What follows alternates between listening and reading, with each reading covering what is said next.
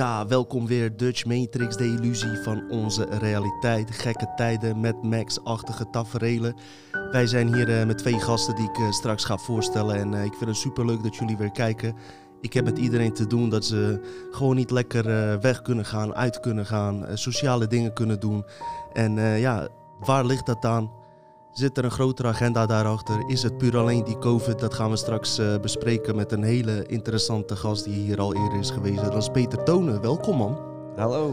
Leuk dat je er bent. En uh, we gaan uh, hier wat dieper op in dan de vorige aflevering. Dus je kan je verhaal nog breder vertellen. Want veel mensen wilden dat graag horen. Hm? Ze vonden die aflevering superleuk en ze wilden meer van je weten.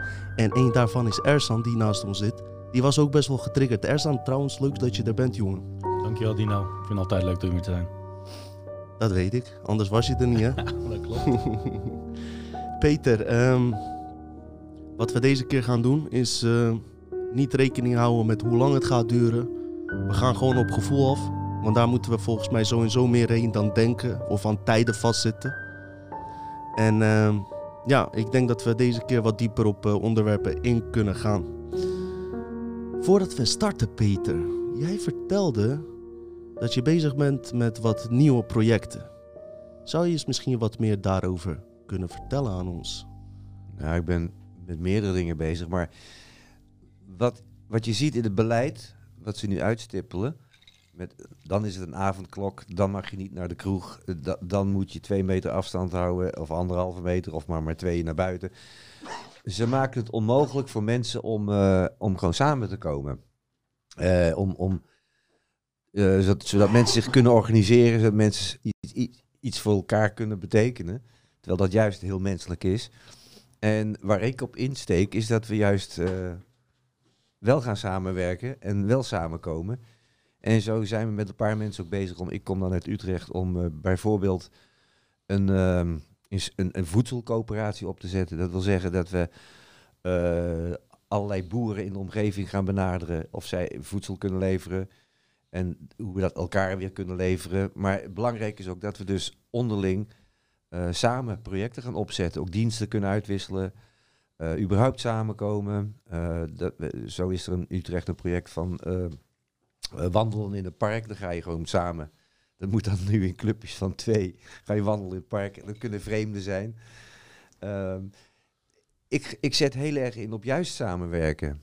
Want dat is wat onmogelijk gemaakt wordt. En dat is wat we nodig hebben. Ik hoorde ook echt een sociaal betrokken, maatschappelijk uh, samenwerking ook. Echt. Ja, ja, en, en er kan ook gewoon werk en geld en alles uit voortkomen. Ik, zie, ik voorzie gewoon dat we het van, uh, van onze regering steeds minder moeten hebben. Want wij worden niet door regeringen geregeerd, maar door, uh, door corporates, door multinationals. En dat wist ik al heel lang. Ik was daarom ook blij vorig jaar met die discussie over de dividendbelasting. Want toen, toen dacht ik, hé, nou weet heel Nederland dat die lui geen belasting betalen. Wij betalen belasting uh, voor de infrastructuur waarop zij hun winst kunnen maken. En die winst die gaat in de zakken van aandeelhouders. Daar heeft niemand verder wat aan. En die regeren ons in feite. Dus kom op zeg. Uh, dus we moeten het weer van onderop gaan doen. Mijn boek heet ook niet voor niets opgesloten in een piramide. Laat hem maar even zien, uh, Ersan. hebben we vorige keer uh, is die zo bescheiden geweest. Doe maar op je eigen camera, Ersan. Oh ja, natuurlijk. nou, maar daar is ik. Het spijt me. Vorige keer uh, was Peter was in vergeten mee te nemen. Dus bij deze ook, weet je, als je wat dieper over volgende onderwerpen waar we over gaan hebben in wil gaan, dan raad ik je zeker aan om zijn boek te lezen. Peter, je hebt ook net heb je wat blaadjes meegenomen. Misschien ja. kunnen we die ook laten. Wil je die, dat we die ook laten oh, zien? Oh, laat maar even zien. Ersan, kan je ze misschien even pakken? Kan je ook weer uh, even laten zien? Kan je even globaal vertellen wat dat allemaal inhoudt? Ik zag leuke, leuke stukjes staan al, maar uh, misschien kan je wat toelichten. Nou, er zijn, wat je steeds meer ook ziet, is dat de vrijheid van meningsuiting uh, onder vuur ligt. Dat wil zeggen, Lange Frans werd van, van internet gegooid, van YouTube. Berichten op Facebook, LinkedIn kunnen verwijderd worden. Um, en Oeps, dit is niet. Oh, ik zie nu dat hij nat geworden is. Ja, ik, weet je, ik edit het al anders doorheen. Want uh, dan, dan zit het er wat strakker en mooier uit. Het is nat geworden, inderdaad. Het, is, anyway, uh, het mocht niet zo zijn, er is, maar uh, er zijn ik laat drie, het wel zien. drie nieuwe tijdschriften verschenen. De OPN-krant, Gezond Verstand krant en ehm, de, de andere krant. Ehm, en dat zijn gewoon, eh, ja, dat is nieuws op papier en het is eh, eh, alternatief nieuws in een hoge oplage. Eh, kijk, misschien kunnen ze het, internet censureren, maar als wij onze eigen bladen blijven uitbrengen, die we ook gewoon her en der kunnen neerleggen, dan houden we in ieder geval een mogelijkheid over om ons eigen nieuws, het alternatieve nieuws, het niet-mainstream nieuws, toch naar mensen te kunnen brengen en, en elkaar ook te informeren. Dus ook daar ben ik bij betrokken. Ja. Ja, super man. Eh, ik ben benieuwd eh, hoe dat eh, verder als het goed is gaat vandaag de website de lucht in van de Vereniging van Vrije Journalisten. En ik heb, ben ook, maak ook deel uit van het clubje wat dat mee heeft opgezet. Waarmee we iedereen die, daar zou jij ook bij kunnen horen, die bezig is met podcast tot en met stukjes schrijven, die zich niet thuis voelt bij de mainstream media en die er ook niet per se aan wil verdienen, die is bij ons welkom. En dan kunnen we elkaar steunen eh, op wat voor manier dan ook. Ja, we kunnen altijd eh, inderdaad even kijken. Ik, eh, je vertelde me net van die organisatie. Ik ga daar zeker wat meer over uitzoeken. Ik sta daar zeker voor open. Ehm, e- e- even terug op, op het feit dat wij zo ons best moeten doen om onszelf van überhaupt van informatie te moeten voorzien, zeg maar. Eh, je zou bijna verwachten dat dat, dat, dat al van de overheid zou moeten komen. Dat is niet het geval. Maar eh, ik vind het wel erg dat, eh, dat zeg maar, bepaalde kunstenaars of iets gesubsidieerd bijvoorbeeld worden voor hun projecten om een lelijk bouwwerk in, bij een rotonde neer te zetten, kregen ze zo'n 100.000 eh, Ja. eh, euro voor, weet je wel. Hoe zit het met jullie? Worden jullie hier enigszins bij geholpen door eh, de overheid of iets? Of eh, Nee. instanties? Nee? We hebben geen adverteerders. Al, althans, deze drie bladen hebben geen adverteerders. Heel bewust niet. Ehm, je, kan, je, je kan het financieel steunen met een abonnement of met eh, gewoon giften. Kan ik jullie omkopen? Eh, nee, Oh, oké. je kan wel betalen, maar dan moet je loslaten wat wij met je geld doen. Maar dan, dan, dan ook nog echt een blad. Is daar echt specifiek voor gekozen? Want ja, ik als IT'er denk dan blad, denk ik van ja, outdated. Niks op die blad op dit moment is van vandaag. Maar dat is niet de key, denk ik. Dat, daar draait het niet om. Nee, nee, nee. Key is gewoon dat de informatie beschikbaar blijft. En wij hebben twijfels over, dat, eh, over het internet. Want we hadden het net over corporate en we hebben het over multinationals. Maar daar, ik bedoel, eh, Facebook, dat is een multinational die gewoon censuur pleegt. Ja, dat klopt. En Google met YouTube Ja. kan het ook. En, eh, trouwens, LinkedIn, WhatsApp, dat is allemaal één grote pot Ja, nat ik, in ik, feite. begrijp, ik begrijp je standpunt nu. Het enige wat nog kan voorkomen is het Mandela-effect natuurlijk. Nee, maar ik, ik zie daar wel wat in. Weet je waarom? Om, als, je een normale krant leest, zeg maar, dan heb je actuele informatie. Maar informatie wat in deze kranten staat, is in principe ook tijdloos. Toch? Is zwart op wit ook. Het is, Het is zwart, niet- het is letterlijk zwart op wit. Het is, Ja. eh, jawel, het is actueel, want we nemen ieder keer een actueel onderwerp, maar het wordt wel uitgediept. Precies. Dus En- als iemand over een paar weken leest, heeft hij er dan nog wat aan, zeg maar? Jawel, jawel. En eh, ja, je hebt ook een soort mini-naslagwerk, snap je? Je kan dingen opzoeken nog van verrek, die heeft dat erover geschreven. Of toen is die, bepaalde feiten worden op een rijtje gezet die je niet in mainstream media vindt. Als je- Zodat mensen een eigen afweging kunnen maken van is, eh, dat is het idee. wa- wat er aan de hand is. Even terug naar dat, eh, weet je, de, een beetje de huidige situatie. Ik was echt benieuwd hoe jij daarover dacht. Ik dacht laatst bij mezelf, als je logisch nadenkt, zou de economie nu al lang ingestort moeten zijn, toch? is die in deze- ook al, want we, le- we leven allemaal op de pof. Ja, al die tijd al eh, leven we al op een kunstmatige economie. zit- ja, er zit gewoon... Pardon. Er zit heel veel lucht in de economie. Rook jij? Grapje, omdat ik net twee sigaretten al op heb, zeg ik dat. Je hoeft deze antwoord niet te geven, boeit ook niet. Sorry, Peter. Ik rook af en toe sigaartjes, ja. Ja. Eh, maar los daarvan. ehm, en die rook je in principe niet over de longen. Dus daar zou ik niet van doen. Maar goed. Nee, ehm, we hadden, nee, er zit veel te lucht in de economie. Ehm, ik sprak vlak voor de lockdown een vriend van me die econoom is. En die sprak ik in, in de supermarkt en die zei, die had het er ook over van, nou die hele wereldeconomie gaat gewoon instorten. En straks gaan ze corona gebruiken als een smoesje dat de banken het niet gedaan hebben, maar dat het door corona kwam. Het, het staat al lang op instorten. Het is een wonder dat, dat alles nog draait. En alles draait nu op, kunst, op kunstmatig geld. Tenminste, daar wordt gewoon...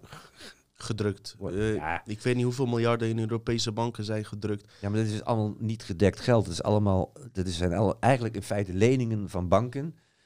eh, maar geen waar- goud tegenover... Nee, er staat, eh, er staat geen waarde meer tegenover. ho- hoeveel procent gedekt geld is er nog op de wereld, vraag ik me af. Ik heb gehoord dat er maar procent. 5% eh, Ja, echt ja. geld bestaat. Dat bedoel ik. Als Ja. iedereen zijn geld nu zou opnemen, zou maar 5% van de mensen dat kunnen doen. De rest is Ik- geld kwijt. geen En je money is gone. Ja, het Je is, drukt één knop. klopt. Bestaat niet meer. Eh, Peter, maar weet je waar ik aan dacht de laatste tien dagen? Ik dacht zo bij mezelf, hè. Eh, mensen die in eh, zeg maar opstand komen en ineens met deze onderwerpen bezig zijn, zijn mensen die geraakt zijn. Dat zijn horeca mensen. Hun zijn vooral geraakt en Mhm. dat soort sectoren. Zou het kunnen dat zij deze economie zeg maar kunstmatig nog goed houden, zodat niet meer sectoren worden geraakt, omdat ze bang zijn dat, dat er ook meer mensen gaan ontwaken, omdat er meer mensen geraakt gaan worden. Zou dat een reden kunnen zijn? Daar zou ik laatst aan te denken en ik vroeg me af, misschien heb jij daar een idee over? eh? Nee, het, is- ze doen het. Het is een. Stapje voor stapje voor stapje wordt alles gesloopt. Als je gewoon eh, de grote lijnen kijkt, dan zie je dat de hele middenklasse weggaat. Eh, wat je, dat is eigenlijk, je krijgt een economie zoals je dat ook in derde wereldlanden hebt, waar je een grote onderklasse hebt en een kleine elite. Ehm, De 1% zeggen ze in Amerika ook wel. En daar, die worden steeds rijker, daar gaat steeds meer naar, naartoe. En eh, als je een, een, een groeiende economie wilt hebben, een bloeiende economie, dan moet je een middenklasse hebben. Dan moet je ZZP'ers, kleine bedrijven hebben, mensen die eh, durven investeren en die verantwoordelijkheid nemen voor, voor waar ze voor staan. Eh, die hele klasse, die wordt weggevaagd langzaamaan. En dan krijg je dezelfde situatie als ik net zeg, in, bijvoorbeeld in Afrika, waar gewoon geen middenklasse meer is. En daar gaan wij nu ook heen, lijkt het. En dat begint bij de horeca, maar het, het, de, hele, de hele business waarin mensen samenkomen, eh, en de hele culturele business, dus de entertainment business, de festivals, de concerten, de, dance events, het, gezellig samen eten en drinken, alles wat mensen fijn vinden om samen te doen, dat is allemaal weg. Ik heb sowieso het idee dat het nooit meer wordt zoals normaal. Ik wil niet depressief klinken. We zijn daarom wel hier om er wa- wel wat aan te doen. Maar als we het aan hun moeten eh, overlaten, heb ik het idee dat dit gewoon door wordt gezet. Want de afstand tussen mensen wordt groter, maar ook tussen arm en rijk, wat je eigenlijk zegt. Op deze manier. Dat er midden, als middenklasse eh, verdwijnt, dan heb je eigenlijk alleen arme en rijke mensen bewijzen van. Eh, Ja, als je de lijnen, je hoeft alleen maar de lijnen door te trekken. En jij en ik, we- jullie, jullie weten waarschijnlijk ook van Agenda 2030. Ja. Je kan, ehm, nou da- daar schrik je van. Dat is gewoon, als je dat leest, je kan het op de website van de Verenigde Naties terugvinden, maar dan moet je heel veel doorklikken. En dan zie je dat er een wereldomvattende agenda achter het hele verhaal zit, waarin een bepaalde kleine groep mensen eigenlijk controle over de hele planeet krijgt. Dan heb je het over de voedselvoorziening, onderwijs, energievoorziening. De, de hele sh- shebang wordt dan in handen van dat enkele... zijn ze nu toch ook al doen. Ze hebben dus echt hele landen overgekocht waar die graan produceren. Waarvan ze hebben gezegd, ja sorry, we gaan nu een graan leveren waar een bepaald patent op zit. En al het graan, dat moet van deze graansoort komen. Dus we hebben binnenkort alleen maar een brood van één graansoort. En dan we hebben, Monsanto. we hebben één, één, één, één, we eten één banaan van één banaansoort. En zometeen als die banaan een ziekte heeft, hebben we geen banaan meer. Hetzelfde voor chocola.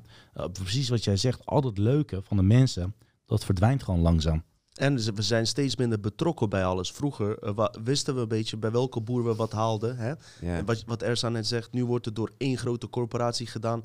Die naar mijn mening nog een agenda daarachter heeft. Omdat het kunstmatige in mijn ogen niet goed is. Maar eh, we zijn ook gewoon steeds minder betrokken bij alles. Dus als er iets gebeurt, vroeger was het zo, of bij Indianenstammen wat ik tof vind, als, als bijvoorbeeld een Rutte iets zou doen, dan weet ik precies bij welke hut hij is. En dan kan ik bij hem aankloppen, kan ik hem daar persoonlijk op aanspreken.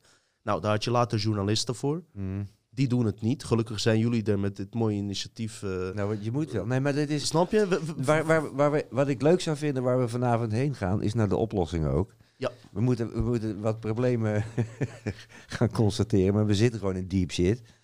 Eh, en dat leg ik me niet bij neer. Dat, dat, kom op. eh, en ik ne- neem aan jullie ook niet. Dus het is, zou ook leuk zijn als we eerst als we constateren eh, de shit waar we in zitten, maar ook hoe kunnen we, hoe kunnen we verder mee? Ja, maar ben ik het volledig mee eens. En, maar het is ook misschien goed om te beseffen, of je onszelf eens af te vragen, zijn we wel vooruit aan het gaan of juist in een, in een val aan, aan het eh, lopen? Of zijn we eigenlijk eh, ehm, in een we zitten, we zitten, we- onze vorige podcast werd niet voor niets die endgame genoemd, het eindspel. Daar zitten we nu. En dit spel loopt, wat ik in mijn boek al beschrijf, al zeker 13.000 jaar. En het is, heeft 6.000 jaar terug ongeveer eh, in het Midden-Oosten, in het, het gebied wa- wat Sumerië was. En wat nu Irak, Irak is, stukken van Turkije en nou, die, dat hele Midden-Oosten. Daar is toen een, de beschaving begonnen, heeft een nieuwe impuls gekregen. Maar daar is die hele structuur ontstaan waarin wij vanuit een piramidevorm, eh, dan heb ik het over een, een maatschappelijke piramidale vorm, geregeerd gingen worden. Waarbij dan een, hè, een godheid of goden boven ons waren waar wij voor moesten knielen. En waarvan dan de koningen daar de ge- gezanten van op aarde waren die wij belasting moesten betalen en onze arbeid en onze energie aan moesten geven. In ruil voor zogenaamd veiligheid. D- dat hele systeem dat loopt al duizenden jaren. En dat is nu een mondiaal systeem. Maar zit het niet in de aardheid van een mens ook om altijd in iets te geloven? Vroeger geloofden ze wel in de, de zon. Eh, de Sumeriërs die hadden bepaalde goden. De aard van de mens is dat wij spirituele, spirituele wezens zijn die een menselijke ervaring hebben. En dat wil dus zeggen dat wij diep in ons hart weten dat alles één is en een, en een verbondenheid hebben met een hoger iets. En dat we diep in ons hart weten dat wat we hier op aarde meemaken, er moet meer zijn. Maar al, En daar wordt misbruik van maar gemaakt. al vanaf het begin van de geschiedenis, zonder dat wij echt een communicatiemiddel en dergelijke hadden, waren wij eigenlijk, al ja, kannibalen, eh Nou, strijders. eh, dat is precies eigenlijk Dat- waar de discussie Wat ik over gaat. van de Dat- geschiedenis. Dat is de vraag. Dat, is Dat, de vraag. dat is precies het ding waar ik eh, eigenlijk later op in wilde gaan. Maar het is goed wij, misschien zijn dat je het geen nu door, zegt. wij zijn geen Nee, doorontwikkelde apen. Het is goed dat je dat zegt. Dus er is één versie dus van Darwin die zegt dat wij in een leerproces zitten, wat ook in heel veel spirituele modellen wordt gedaan, is eh, dat we iets moeten leren en steeds, steeds naar boven aan het zijn gegaan, steeds slimmer aan het worden zijn. Maar je kan je ook afvragen, hoe waren wij voordat die goden kwamen? Waren wij toen niet veel sterker en Ja, je- veel slimmer? even, je Hebben die nu- goden ons niet Je afgedempt? begint nu al over meervoud, goden, maar zo staat het ook in de Bijbel, in feite. Ehm, je hebt, als je het hebt over de schepping van de mens, heb je eigenlijk twee stromingen. Je hebt het creationisme, dat gaat ervan uit dat er een godheid is die alles geschapen heeft. Sommigen zeggen zelfs in zeven dagen. En je hebt ehm, het, ja, het evolutionisme, al, dat zijn de- of de Darwinisten. En die hebben het erover van, nou ja, we hadden ooit eeuw- eencelligen en er werden tweecelligen. En dan, hè, ze kregen ingewikkelde vormen. Die Ja, evolution of life. Yes, dat verhaal. En dat, waar dan aan gekoppeld werd vervolgens het recht van de sterkste. Ja. Maar dat idee is er pas in de 19e eeuw ingebracht in samenhang met het opkomst van het liberalisme. dat is gewoon een Weer terug politiek... naar economie. Ja, eh, dat is niet voor niets, want eh, liberalisme is gewoon het recht van de sterkste. Het is gewoon wie, de, wie het hardste kan duwen en trekken, die wint dan. Maar zo zit de men, onze kracht zit hem niet in recht van de sterkste. Dat is wat je wijs gemaakt wordt door kapitalisten en eh, liberalisten. De- Tenminste, de ouderwetse dan. Want ik ben wel van een free mind, dus in die zin wel liberaal. Maar het, is in, in samenwerken en, en eh, daar, onze kracht zit hem in, in, in, in, aanpassen en samenwerken. Dus, eh, en ehm, ni- niet in tegen elkaar vechten, want dat is wat de, de recht van het sterkste is. Ja, maar geschiedenis wordt geschreven door de overwinners of degene die het Dat klopt, dat zei, dat dus- zei Winston Churchill aan de vooravond Precies. van de Tweede Wereldoorlog. En zo is mijn Ja. eerste boek ontstaan, Ah. of dit boek ontstaan. prachtig dat ik dat dan zeg. Ja, Ja, Nou, dan Want- moet je hem zeker gaan ja, lezen. ja, want- dan moet ik hem zeker gaan Want- lezen. want- wie, zijn, wie zijn dan die overwinnaars, weet Ja. je? Ik, kijk, wat wij, ik ga ervan uit dat wij, wij, zit- wij zitten hier in de lage landen. Want ik reken eh, eigenlijk Vlaanderen ook daartoe. Dat is gewoon dat vlakke, blubberige Ja, ja land. ze- heel, heel Benelux eigenlijk. Dus Ja. een beetje... Amai. En daar hebben ook een soort indianen gewoond, een paar duizend jaar terug. Er waren ook natuurvolkeren die ook wisten van planten en... Weet je, eh, die hun eigen ma- magische handelingen hadden. Maar alles wat we weten van, van de Germanen en van de, de Franken, de Friezen, eh, hè, die Ja, ik- volkeren Ik die hier naar de, waren. ik ben naar de Hunnebedden museum geweest, Ja. dus ik weet van ja. Maar dat, alles wat we dan weten, weten we vanaf wat de Romeinen erover verteld hadden. Want die hadden het schrift. Die waren de overwinnaars. Dus dan krijg doe- snap je? Ehm, en zo weten we alles wat we van... Ja, de overwinnaar, die, die is altijd... eh, die, die schrijft Dus vandaar de liberalen en de kapitalisten Maar- waarvan je zegt die... Ja, sorry Dino. Nee, nee, Nee, ik, ik, ik, ik, ik, ik ben in die zin liberaal dat ik hou van eigen verantwoordelijkheid nemen en een eigen mening erop nahouden. Eh, en in die zin ben ik ook geen communist of socialist, want dan wordt alles weer van bovenaf geregeld. Maar ik geloof dat er een derde vorm is. En dat is een coöperatieve vorm waarin in kleine kringen mensen hun eigen verantwoordelijkheid nemen en dingen samen delen. Snap je? Want in je Ja, eentje... vind ik het ik beste. ben zelf ondernemer, maar in je eentje red je het ook niet. Snap je? Je moet minimaal ook goed kunnen samenwerken met, met, met wat tegenwoordig niet werknemers heet, maar je medewerkers. Terecht. Eh, dus En je kan gewoon connecties met elkaar aangaan. Je, in je eentje doe je niks. Daar zijn we Ja, niet maar dan kom ik geschikt. wel. Bill Gates die zei ook: eh, ik ga helpen om eh, eh, eh, geld mijn geld uit te delen, want anders heb ik niemand meer om mee samen te delen. Dus heb ik niks aan mijn geld. Maar- Nou, dat heeft meer met Maar- fondsen te maken hoor. precies. Dat, dat doet hij niet Bill daarom. Gates, Maar- Sorry van off topic Maar geweest. even, Ja, even een vraagje tussendoor, hè? Want eh, ik wil even richting een punt gaan van of we nou de laatste duizenden jaren echt op vooruit zijn gegaan of niet. Was het dan niet zo dat we vroeger, duizenden jaren, honderden jaren geleden, juist veel beter samenwerkten als mensen en veel meer betrokken waren bij dingen en nu niet meer? En mijn vraag was, iedereen denkt dat aan het evolueren zijn, hè, steeds slimmer aan het worden zijn. Maar ik heb eigenlijk het idee dat we steeds dommer aan het worden zijn en dat we steeds harder moeten werken om van eh, basisbehoeftes te moeten voorzien. Ja, dat is heel moeilijk te vergelijken. Eh, we zijn heel veel hebben gewonnen aan hoe wij bijvoorbeeld eh, allerlei ziektes die we vroeger hadden, hebben we nu niet meer. Maar we hebben ook heel veel verloren aan contact met de natuur vooral. En dat laatste vind ik nu een groot probleem. Want als ik alle problemen op aarde moet samenvatten in een zinnetje, dan is het dat we het contact met de natuur kwijt zijn. En met de natuur bedoel ik ook de natuur in onszelf. Dus met ons natuurlijke eh, weten, met, met wij zijn zelf namelijk ook natuur. Gewoon met die verbinding die we met elkaar hebben, met de natuur, met de aarde, die zijn we kwijt. En zeker in deze tijd, waarin nu iedereen eh, eh, teruggedrongen wordt naar een virtuele werkelijkheid. Want wat die coronacrisis doet, die zet iedereen achter een schermpje in feite. Daar, daar, dan, zijn we dus echt los van de natuur. En dan zit iedereen ook heel veel in zijn eigen mind. Want we raken ook los van ons hart. Want het is met ons hart waarin we de verbinding maken met elkaar en met de natuur. Want Als jij door de bossen loopt en je wordt blij van de natuur, dat, dat, dat, dat, dat, dat doe je met je hart. En met je mind ga je er van alles bij denken. Maar dat is het punt. Ze willen ons vanuit het hart naar het hoofd hebben. Want in je mind ben je manipuleerbaar, in je hart niet. Als ik in mijn hart ben, dan ben ik bij mezelf. En dan ben ik daar, daar, daar heb ik ook de kracht om wat dan ook te Maar is dat weerstaan. niet gewoon dopamine in je hersens die ook jou blij maakt? wetenschappelijk Jawel, maar dat, dat wordt vanuit het hart geregeld. Wist je, er er lopen wel zenuwbanen van het hart naar de hersenen, Oh, maar, niet. maar niet andersom. Oké. Het is heel, je, ja, Dus je dopaminegeval, dat komt, zeg jij ook, dat komt ook wel deels van je hart naar je hersens. Ja, dat stuur jij aan vanuit je gevoel. En dan geef je opdracht aan de hersenen om bepaalde stofjes aan te maken. De- ook je darmen hebben er trouwens mee te maken. Die hebben ook een soort brein.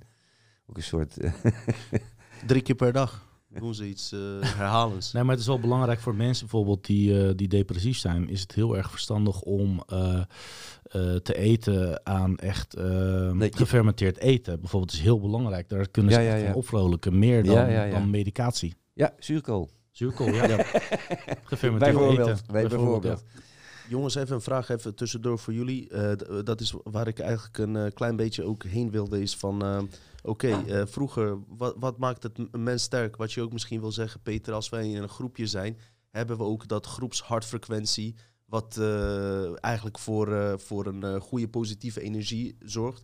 Maar dat gaat lastig als je allemaal zorgen aan je kop hebt, toch? En eh, het Ja, lijkt dan wel of ja. ze ervoor zorgen dat we in die stand zitten, constant Nou, op het van moment, angst op het en moment dat je geldzorgen hebt, ik heb het zelf ooit gehad, eh, kan je IQ tot 15 punten dalen. Je Klopt. krijgt echt bewustzijnsvernauwing. Je gaat korte termijn denken en niet meer het gro- grote plaatje zien. reptiele brein gaat aan. Ja, we hebben meerdere stukken in ons brein. En dat reptiele brein, dat achterhoofd van vlucht, vecht en bevriesgedrag, dat wordt dan eh, actiever. Eh, en je kan niet meer, ja, je ziet het, je raakt het grote het is dat nu ook aan de hand, sorry Ersan? Eh, met die COVID-tijd, er merk je dat? daar- Er is toch vooral een angstvirus bezig. Precies. Ja. Waar, en waar mensen aan doodgaan zelfs. Ja. Ja. Ja, wat denk je wat stress doet? En hoeveel mensen er niet... Weet je, ik zag twee weken terug eh eh Stu Bru, dat is Studio Brussel. Dat is een heel, een van de oudste eh goede popmuziekzenders van, van Europa. Dat vind ik ook heel leuk. Ja. En eh, daar was een interview met een DJ. Kijk, de, de, de hele de dance scene ligt nu al, al drie kwart jaar plat. Nou, weet je, die en die kunnen... vertelde dat hij 19 f- collega's van hem al zelfmoord gepleegd hadden. Hij, hij, heeft, hij heeft in twee weken tijd, had hij op een gegeven moment 19 Had hij collega's, dat is veel hè? had Dat is hij heel zes, veel. zes begrafenissen in twee weken tijd. En het zijn mensen die hij kende. En dat is een jonge gast. Maar die hadden geen geldproblemen, denk ik. Want DJ's hebben, zou je zeggen, wel een voorraadje voor een jaar. Maar ze kunnen ook meer bezit hebben, waardoor ze in geldproblemen komen. Dus ze kunnen dure hypotheken, dure auto's Maakt allemaal geen fuck ja. uit. Ik bedoel, geldzorgen hebben niet met de hoeveelheid geld te maken, met men, maar met of je het overzicht hebt en die rekeningen kan betalen. Niet de hoeveel. Mensen met veel geld kunnen zelfs meer zorgen hebben dan mensen met weinig geld. Vaker zelfs. Ja. Vaker. Vooral als je getrouwd bent. Bijvoorbeeld, maar als je veel assets hebt, dan moet je die allemaal weer beschermen en weet je, Ja. je moet het allemaal onderhouden. En je moet ook je, je zeg maar, eh, die andere vrouwen moet je ook onderhouden. Whatever it is. Maar ik heb ook wel eens ooit tegen Dino verteld dat hoe hoger jouw emotie, hoe lager jouw verstand. Ja, dat was een goeie. Dus Die dat- weet ik dat- nog eens. Ja, Heel goed. Nou ja, als je. ik- Oké, nou komen we terecht. Dan gaan we even naar die hersenen. We hebben ook de ja. frontale Leuk, hersenkwap. Ja, ik, Hij- ja, voor het, ja. frontale hersenkwap. We hebben het vermogen van zelfreflectie. Je kan naar, je bent niet je emoties, maar je, je, je hebt ze wel nodig, hè? Want het is je levenskracht ook. Maar je kan er ook naar kijken. Je kan, je kan heel pislink zijn en heel verdrietig zijn en tegelijkertijd heel helder in je kop. Dat klopt. Ja, ik, Maar ik zeg dan- ook wel en- soms te- tegen mezelf lieg. Dus, en dan, dan weet ik donders goed dat ik tegen mezelf lieg. Maar het is een bepaald manier van overleven, denk ik. Ook van, voor mijzelf Nee, dan. ik, ik zie emoties als de, eh, eh, eh, ja, hoe zeg je dat? De brandstof voor schepping. Ik kan pas iets creëren als ik ergens blij van word of pissig van word of als iets me raakt. Die emotie die gebruik ik dan. Juist. Die gebruik ik om überhaupt iets voor elkaar te krijgen. Het- de, de truc is om hem voor mezelf te gebruiken en niet op die ander te richten die het in mij heeft opgeroepen. Want het blijft altijd nog steeds mijn emotie. Ja, maar dat doen heel veel bij COVID niet. En ook waardoor ik hoor dat er zoveel zelfmoorden zijn gepleegd. Nou ja, weet je, als je geen gat meer in ziet. bedoel, eh, hey, je zal maar een gezin, je zal maar niet in staat. Wat denk je wat schaamte doet? Dat je denkt, verdorie, ik red het niet meer. Ja. Ik kan mijn gezin niet onderhouden. Dat heeft die laatste presentator die met dat uitgelekt filmpje wel heel goed gedaan. Door er gewoon echt op in te gaan. Ik, Vertel, wat was dat dan? ik, ik weet niet hoe die heet. Dat was die eh, homoseksuele... Eh, Fred van Leer. Fred van Leer, ja. Oh, ja. Die, Fred Ja. van die, eh, die, die heeft eigenlijk op zich goed opgepakt. Die heeft gezegd van nou, ik ga geen aanklacht indienen, niks. Want het schiet toch niet op en ik heb alleen mezelf ermee. En eh, ik, ik slik dit gewoon, dit is gebeurd en ik ga gewoon door. Ja, dat is ook maar eigenlijk het beste. nou, nou, nou heb je het over iets heel. Nou heb je het over schaamte van een, eh, een- van, een, van een seksfilmpje wat uitgelekt was. Nee, ik heb het ook gewoon over schaamte dat je, dat je het niet redt in het leven. Oh, dus niet dat je En, eh, en mannen hebben daar meer last van dan vrouwen overigens. Want die denken dat ze alles zelf moeten oplossen en anders dan doen ze het niet goed. Maar eh, nee, die DJ's, ga ik even naar terug. Kijk, het zal hun niet alleen om het geld gegaan zijn, maar ze kunnen hun hart niet meer volgen. Ze kunnen hun werk niet meer doen. Ja, er zijn denk ik ook andere groepen die nog harder geraakt zijn. Ik vind het, om heel ja, eerlijk dit, te dit zijn... is een voorbeeld. Ja, kijk, als je een. DJ bent, eh, ik weet niet wat, weet je, als je zelfmoord gaat plegen, als je half jaar geen werk hebt. Ik, ik denk dat er andere mensen zijn die- nog meer lijden dan een DJ. Bijvoorbeeld een beginnende horecaondernemer die een zelfde, zelfmoord pleegt. Kan ik nog begrijpen. Je begint net, je hebt je spaargeld waar je onwijs hard voor hebt Mhm. gespaard. Ingezet en dit komt eraan, weet je. Ga je kapot aan. Maar je weet ook inderdaad niet bij die DJ wat, wat het verhaal I don't erachter is. know, I don't know. Maar wat je 16 eigenlijk wil zeggen is oh, dat er waarschijnlijk meer me- eh, gevolgen van deze situatie eh, doden zijn dan aan die COVID zelf. Volgens mij is dat ook een beetje Nou ja, dat- wat je wil maken. Dat is wat ik niet alleen constateer, maar dokter Michaela Schippers, die doseert op de Erasmus Universiteit, heeft er al vrij snel onderzoek naar gedaan. Heeft met name over de hele wereld onderzoeksrapporten bekeken over de gevolgen van een lockdown. Wat het doet eh, economisch en psychisch eh, en voor mensen op de hele planeet. Want wij hebben allemaal nog te eten. Ehm, maar in derde wereldlanden, ik bedoel, ik heb vrienden in Afrika, eh, daar is het echt ellende. Want daar, daar speelt het leven zich überhaupt op straat af. Ehm, die moeten, voor hen is thuis zitten, eh, dat, dat, dat, dat hebben ze überhaupt, dat kennen ze daar überhaupt niet in de meeste landen.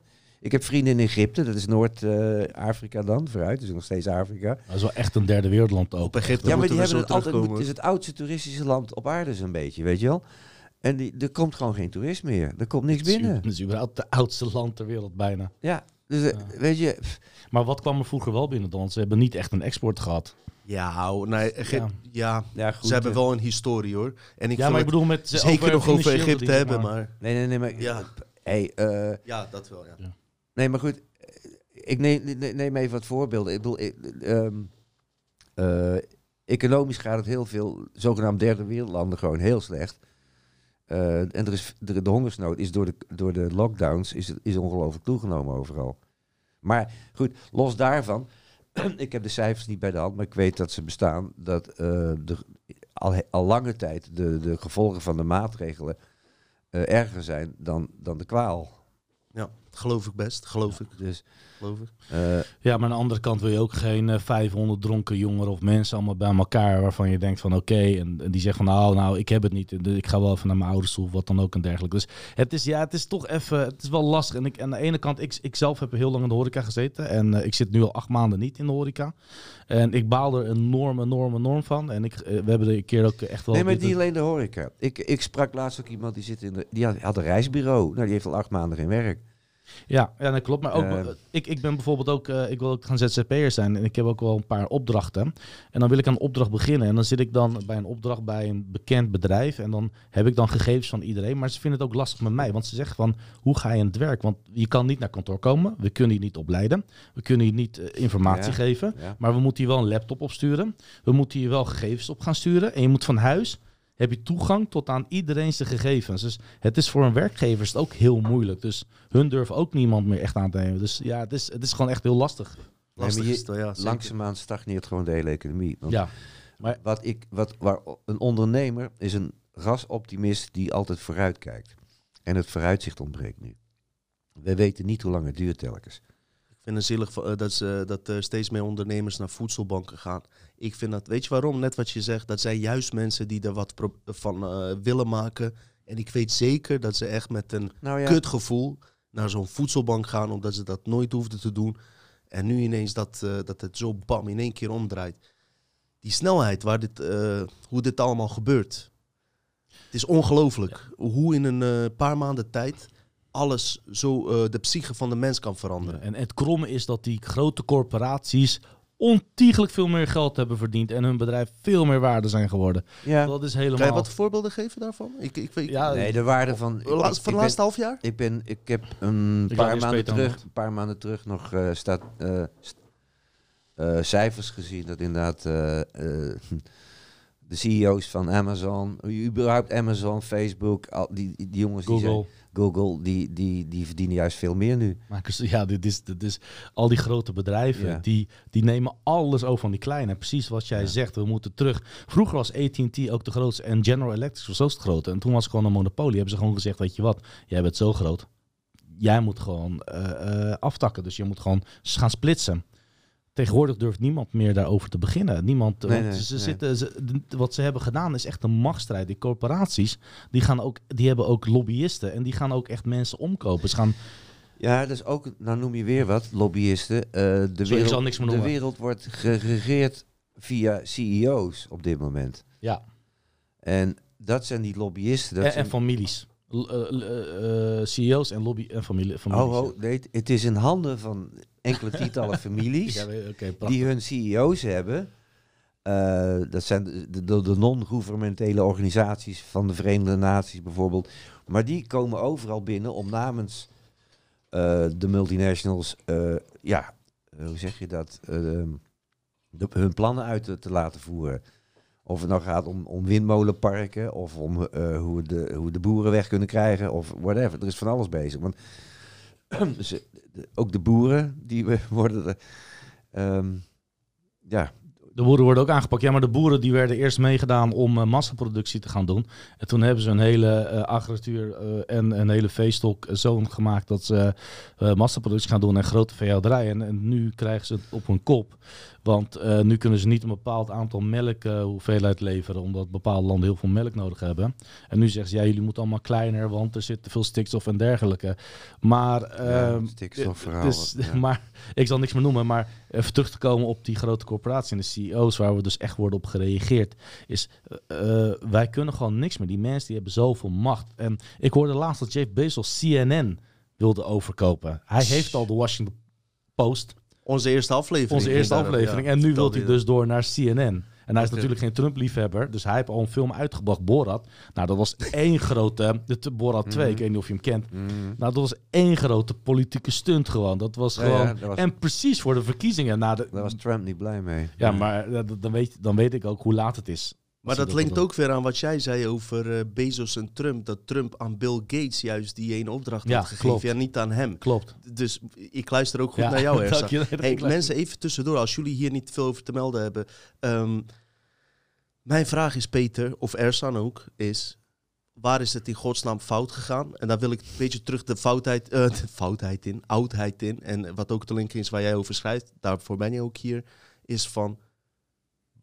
Wanneer zijn wij, wanneer is het moment geweest dat wij allemaal dingen zijn gaan uitbesteden en eigenlijk dommer zijn geworden? Vooral om het feit bijvoorbeeld, jij hebt het over de Maya's. eh, als wij even andere kant op gaan, hoe kan het zo zijn dat zij betere kennis van het universum hadden dan, eh, dat, dat, dan wij eigenlijk? En eh, dat ze alles zo gedetailleerd wisten. Nou, dus je, je hebt altijd volkeren met... De, de oude Grieken hadden ook hele mooie oude kennis. De, de Chinezen, vergis je niet. Ze zijn nu weer in opkomst, maar ze zijn eigenlijk nooit weg geweest. Dus ongelooflijk grote kennis, wat, ook, ook praktisch en wetenschappelijke kennis wat er in China altijd geweest is. Die hebben heel veel uitvindingen gedaan hoor. Behalve toen ze vermoord werden door hun eigen keizers. Maar Maar wat is de reden Mm, dat wij ja. dat, dat die kennis voor ons dus weggehaald is? Waarom ga ik hierheen? Omdat, omdat er veel dingen voor ons worden weggehaald. En ik, ik denk bij mezelf, als we eens proberen naar de bron te gaan, waar dit allemaal begonnen is, om te proberen, om te kijken van eh, De bron is altijd wanneer ging het fout? de bron gaat, ging en gaat altijd fout, waarin op momenten dat jij je kracht weggeeft aan iets externs, eh ervan uitgaande dat alles in je zit. En wij staan onze macht en onze kennis eh, en verantwoordelijkheid aan anderen af. En daar kunnen bepaalde krachten op inspelen. En dan kom je terecht bij die psychopathische krachten, want onze planeet is gewoon gehackt door een stel psychopaten. En oké, die psychopaten, hè? Wie zijn die psychopaten? Ik ga, je hoeft geen namen te noemen, maar je moet, ik wil het verschijnsel wel even benoemen. Zijn dat menselijke wezens? Of zijn dat hogere krachten die nog boven de mensen staan? Ja, nou wordt het een lastig verhaal, want we worden uiteindelijk aangestuurd door onzichtbare krachten. Zou je daar misschien wat over kunnen vertellen? Ja, dat is, daar kom je terecht bij astrale krachten. Eh, maar als je dat wil beschrijven, dan begin... Oké, als ik het begrijpbaar wil maken en het niet te esoterisch en te spiritueel, dan is eh, alles wat... Wij, wij ge- de mens geeft alles een naam. Misschien is dat in, in de Koran staat ook ergens vermeld dat, dat dat onze taak ook is. Ehm, en, maar alles wat een naam heeft, daar hangen gedachten aan vast. Dus het kan zijn dat we het vorige keer over gehad hebben. Dat wat Nederland is, dat, dat begint niet bij dat bordje Nederland en dan mag je er 100 km per uur Dat was je andere interview, die heb ik gisteren Ja. toevallig gezien. Dat, dat, dat wat Nederland is, is alles wat wij denken wat Nederland is. En dat kan je als een, als een, als een cloud zien. Als we dan toch in de matrix zitten, dan is dat de computercloud. Onze eigen creatie ook? Of wat vaak die nou nee, zegt? die, dat, nou eh, komt het. Wij interacteren daarmee. Dus jij, jouw gedachten over wat Nederland is, gaan daarin. Maar je haalt ook de gedachten van jou en anderen er weer uit. En die cloud die wordt aangestuurd. Dat is wat, wat je dan mind control noemt. Oké, en ehm, Er wordt door, door media en zo wordt gezegd wat Nederland is. Eh, Of Maar de, de bron dan? Want ik, volgens mij wilde je ook wat Oh, zeggen ik, over neem de het, bron. ik neem als voorbeeld. hè. Oké, zo, ook, zo ook met corona.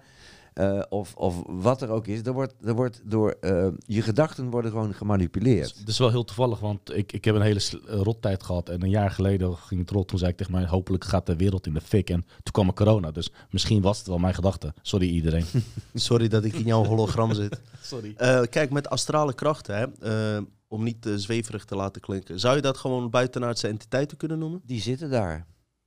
Er is, kijk, Eh, hebben die linken met die Anunnaki, eh, dat verhaal waar we oh, het vorige keer over hadden? De Anunnaki. Je zit bij Dutch Matrix, dan Ja, kan je dit soort dingen? Dus verwachten. ja of nee? ja Dus hoor, ja, ja, ja.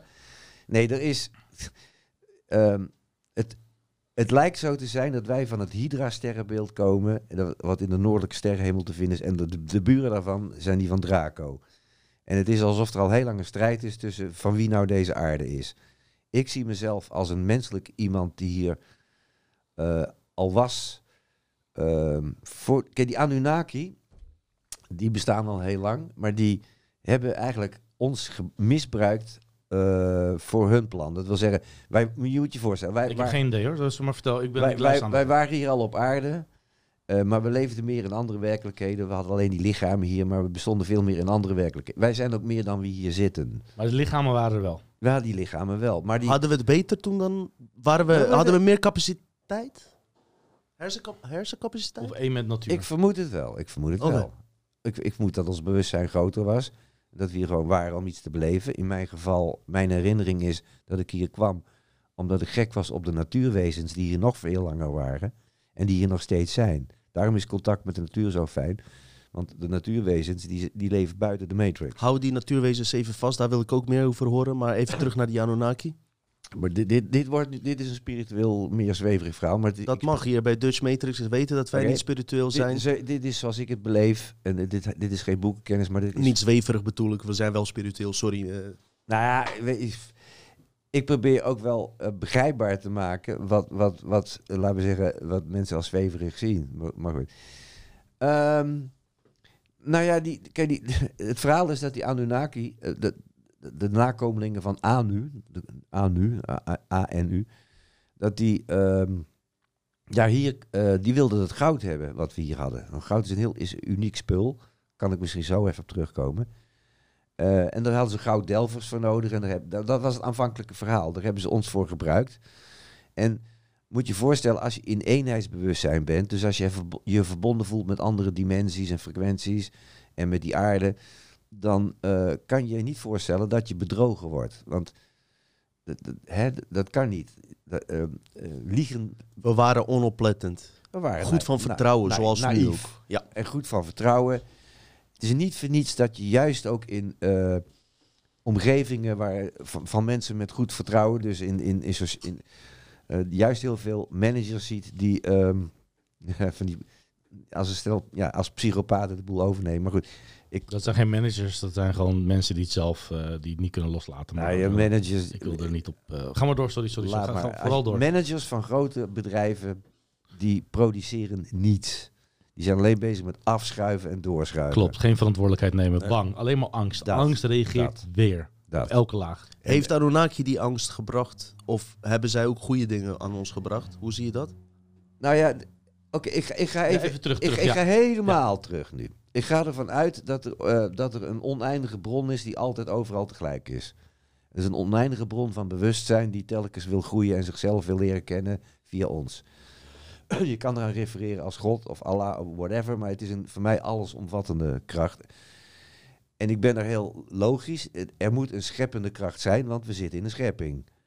En dat moet een eh, liefdevolle en intelligente kracht zijn. Want als het niet liefdevol was, was de hele schepping uit elkaar gedonderd. Als, als de schepping alleen uit angst zou bestaan, dan zou alles uit elkaar vallen. Want dan is alles in strijd met elkaar en dan verbrokkelt alles. Dus er moet liefde zijn, dat is de lijm. En er is het stukje kennis, dat is de mannelijke kant van bewustzijn. Dat is hoe werkt het dan allemaal. De mannelijke kant, zei dat nou? Ja, de vrouwelijke kant is, is de verbindende kant van bewustzijn. Dat, ja. is, dat, is, dat, is, dat is die liefde. En de mannelijke kant is, ja, hoe zit het in elkaar? Je gaat bijna naar de Romeinen en de Grieken en de Maya's. Die hadden bepaalde goden die... Wat was het? Jupiter en Mars en dat soort dingen. En Venus voor Nee, de dat, vrouw. dat, dat kan je als archetypische Oh, krachten zien die, die ook in ons Weer zo'n mooi term, maar oké. ja, ja. Die- Dat zit ook in ons. Ik bedoel, Er zit in iedere ehm, man zit een klein jongetje, maar ook een vader. Snap je? Dat Ja, je had over astrale krachten, dus ik Maar denk goed. dat zijn astrale... Dus Ja, het, nee, die, die, die, wat wij de goden noemen, dat zijn in mijn ogen gewoon programma's. Ja, het is Ah, precies hoe je het maar noemt. Die- De religie staat het dat anders het omschreven. Die bestaan niet. Vandaar dat ik dat ook Zijn expres bijnoemde. Want ik weet wat Peter bedoelt hoor. Dat als jij Maar zo eh, zijn goed een de programma hebt uitgevoerd, dan... eh, De archetypen in ons zijn ook programma's. Als jij je depressief voelt, dan kom je erachter. Hé, hey, dit, is, dit ben ik niet, dit is een programma wat aan het lopen is. Nou, op dat moment, ik heb me depressief gevoeld en ik herkende mezelf, ik kon mezelf, maar ik blokkeerde mezelf ook om me te kunnen voelen, eerlijk gezegd.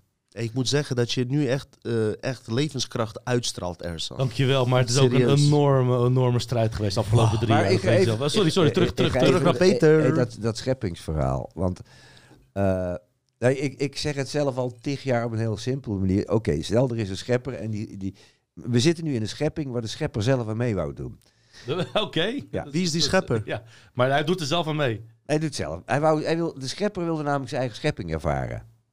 Oké. En toen heeft hij medescheppers geschapen, want anders was hij nog alleen. Dat kon hij niet delen. En dan wist hij nog niet dat Tron, sorry, nee, nee. En, en dan wat je in iedere organisatie hebt om je heen, in de natuur heb je dat, en in de organisaties is, dat- is altijd een dissident. En die werd Satan, Lucifer, weet ik veel allemaal genoemd. De tegenhanger. Ja, nou die had Of iets- de zoon. nou die, wat hij eigenlijk zei van, nou wat, wat, wat die schepper kan, dat kan ik ook. En die begon zijn eigen schepping. Die heeft gewoon zijn eigen filiaal geopend.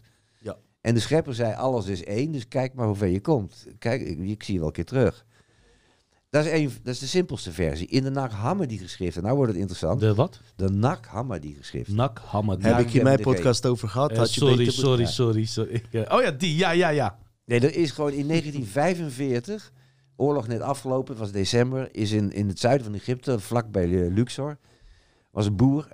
hij heette echt Mohammed Ali. Niet, het was niet de familie van, maar goed. Die was aan het ploegen en die kwam, die, die- hij stuitte op een grote kruik. En die, s s'avonds had hij de moed om die kruik aan stukken te slaan, want hij voelde dat er iets in zat. Er bleken 13 in leer gebonden boeken in te zitten. Achteraf waren daar 52 hoofdstukken. En dat zijn achteraf werden dat de, de Nag Hammadi geschriften. Eh, die Nag Hammadi geschriften die zijn eh, eh, bijna 2000 jaar oud. Die zijn van de eerste eeuw van naar, naar de geboorte van Christus. Zijn in het Koptisch. En het Koptisch, dat kunnen wij nog steeds lezen. Ja. En daarin staan gesprekken. Er staan, dat zijn de gnostische, zijn gnostische teksten. En de gnostiek, dat was rond die tijd de, de, samen met het hindoeïsme de grootste religie op aarde. Als spirituele stroming moet je zeggen. Want de gnostiek ging niet uit van geloof, maar ging uit van weten. De gnostiek ontstond in de zesde eeuw voor Christus in, eh, met Plato en Aristoteles bij die Grieken. En de Dezelfde- Illuminati is, sorry dat ik een breek Peet, volledig eh, op die gnosten ook gericht. Hè? Even tussendoor, voor ook mensen dat ze dat nou, eh, die in gnostische kennis, dan komt... Illuminaten zijn heel veel met hun Nou, bezig. eh, met die ik- kennis. ik- Egypte, Ik ga, ik ga, ik- 52 Ik, schriften, Oké, ja. ik, ik, ga, ik pak zo dan een stukje wel op. Punt is met, met Enki. En eh, Anu had twee zonen, als we het er toch over. In alle scheppingsverhalen. Oké, vind je altijd die twee broers die ruzie met elkaar hadden. Kain en Abel, Romulus en Remus. En bij Anu was dat de zo Enki en Enlil. En de ene was... Ja, dat is weer, ja, nee, dat is weer een ander verhaal. Oké. Nee, Boeddha, de broer van Attila Oké, de Hun, ja, ja. ja, Oké. ja. Waarbij bij de een de ander dan vermoord. Oké, maar sorry, ga door. Ja, en Enki, ehm, dat, wat Enki heeft eh, gedaan, die heeft ons de, de kennis meegegeven van hoe de Matrix in elkaar zit. De nazaten van Enki, dan kom je in de lijn terecht van, dan kom je ook aan de kennis van de Maya's, dan heb je het over de gevederde slang. Ja, die zie je wel eens. eh Ja. En Dat, was de Az- Azteken waar het dat toch met ook, de slang? Dat, daar heet ja, dat klopt. Die, die, die heet, hij heet dan Je had de, de, de, de Azteken, de Maya's en de Incas. Maar de in- ja, die hadden alle drie de gevederde slang Ja. als de brenger van de cultuur en het schrift. Maar dat is dezelfde figuur als bij de Egyptenaren, Toot. Dat is die, die godheid met die ibis, met die ibissnavel. Oké. En zo vind je overal... het is ook Hermes Trismegistos. Eh, Nog even. ja, en oftewel Mercurius bij de Romeinen. Eh, dat is allemaal dezelfde... Adam en Eva, een scheppingsverhaal Ho- van... eh, ho- heeft nee, dat ermee te nee, maken? nee, hij moet- hij moet uit Adam dit en verhaal Eva- Adam en afmaken. Eva, die waren daarvoor weer. Sorry hoor. We hebben Die komen uit die sikkel daar, uit dat kan, gebied. Je eh. kan ze met Kain en Abel Hou, vergelijken. eerder. ga maar verder met je ding. We hebben het over. Ik vertel het als. Kijk, de oudste verhalen op deze planeet zijn de mythes. Ja. En eh, mythes worden afgedaan als sprookjes. Maar waar, waarom zijn het wel de oudste verhalen? Omdat er ook. Daar loopt, het, laten we zeggen, het zichtbare en onzichtbare loopt door elkaar. Ja, ze je- zeiden toch ook een mythe, dat is een begon van een legende en dat is weer een... Nou, heel vaak is dit, daar zit altijd een kern van waarheid in, die dan verdraaid wordt voor een verhaal. Maar dat zit in sprookjes ook. Ehm, Maar het over die twee broers. Ja. Eh, die twee broers. Je hebt dan Enki en Enlil. En Enki, dat, dat is de, wat Enki gedaan heeft, is... Hij wist dat als je, je kan mensen wel gevangen zetten, want het, wat ze, dat is wat ze gedaan hebben in feite. Ze hebben ons in- Slaven gemaakt? Of ja, eh, echt wij, slaven zijn, wij gemaakt? zijn in feite goden die nou denken dat ze slaven zijn. Wij zijn goden die denken die slaaf zijn. Ja. Elk geboren. Dus je, bent ge- je wordt geboren door twee wezens. Ja, je krijgt het DNA mee van twee wezens. Ja, dat je, heb je je, hebt je broncode, dus ik ben IT'er, dus je, je compiled wat, je hebt je broncode en boom. Je, je Jij bent, nieuwe, jij bent een bron, bronturk, ben jij. Ja. Fuck jou. Nee, maar dan heb je het over de fysieke lichaam. Maar je bent, je bent niet je lichaam, je hebt er één. Oké, oké, maar dan gaan we maar door. Dus we Je zijn bent dan- niet eens je gedachten en je emoties. We zijn allemaal onze goden in, ja. Maar nee, oké. Ja, dan gaat het wel alle kanten op. Ik hou de rode En ambulance ineens gaat hier eh, Ik, voorbij. ik hou de draad wel. Ja. Het verhaal is namelijk dat... ehm, ja, nou, nou, ja, nou dan, dan gaan we ook nog eens... Ja, het is, dit is de matrix die tegen Da- ons da- dat is de matrix. Dat, eh, Oké. Dames en heren, superleuk dat jullie kijken. Ehm Ersan eh, is zeer geïnteresseerd naar eh, Peter Tonen, die nu een vervolg gaat maken op zijn eh, verhaal. Nou, ik, ik, ik- laat ik dan maar even teruggaan naar de Nag Hammadi geschriften. Eh, en, en dan ga ik wel, la- dan laat ja, ik wel ja, zien hoe, zich daar dat- waren we ook gebleven. hoe het zich vertaalt naar Anunnaki enzovoort. In de Nag Hammadi geschriften vind je allerlei scheppingsverhalen. Je vindt er ook gesprekken in van de, de, de evangelisten, waaruit die, waar later het, het, christelijke eh, evangelie uit ontstaan is, dus het Nieuwe Testament. Maar dat zijn gesprekken die, die, die bijvoorbeeld de, apostelen met Jezus hadden, die never ever in het Nieuwe Testament zijn terechtgekomen. Dus, ehm, en dan vind je dus ook verhalen over argonten. En nou wordt het interessant. Argont met een CH.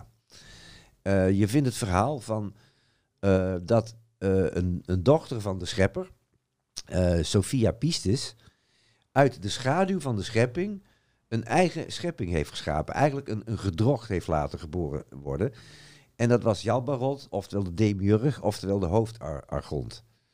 Ehm, die heeft weer argonten geschapen en die hebben uiteindelijk de kunstmatige wereld geschapen waarin de mensen eh, zich bevonden. Maar er was dus ook al een vertakkeling van mensen die daar buiten stonden. Dus, want zij hebben dus de kunstmatige, of hebben zij die mensen gevangen genomen die... Nee, nee.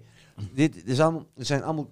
Wij, deze werkelijkheid is, dat zegt de, Nag- zeggen de Naghammadi geschriften 2000 jaar geleden al.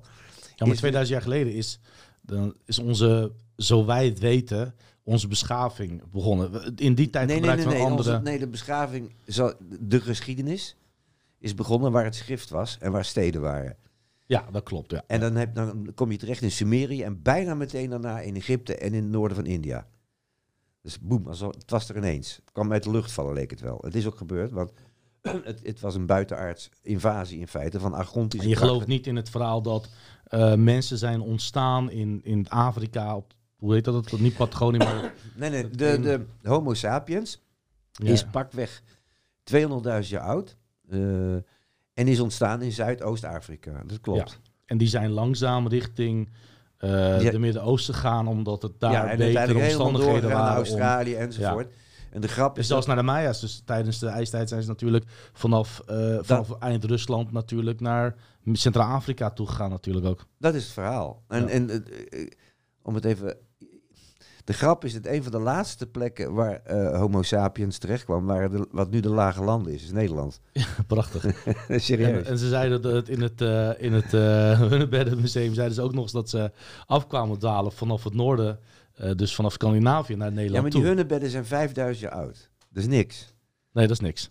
Maar toch waren het Neandertaler-achtige mensen, Homo sapiens-achtige nee, mensen. nee, nee. Neandertaler en Homo sapiens zijn twee soorten. Ja, dat soort mensen zei ik. Dus ongeveer dus, dus. En wij stammen niet af van de mensen. apen. Nee, wij stammen niet af van de apen. Die missing link hebben ze nooit gevonden, zullen ze nooit vinden. Oké. Dat, is ook, dat is een van de grote misvattingen. Daar heb ik twintig jaar geleden al over geschreven. Eh, dat is het verhaal. ik geloof er ook niet in, maar... eh, Ja, het zijn de, dat zijn de evolutionisten die dat, dat is die stroming.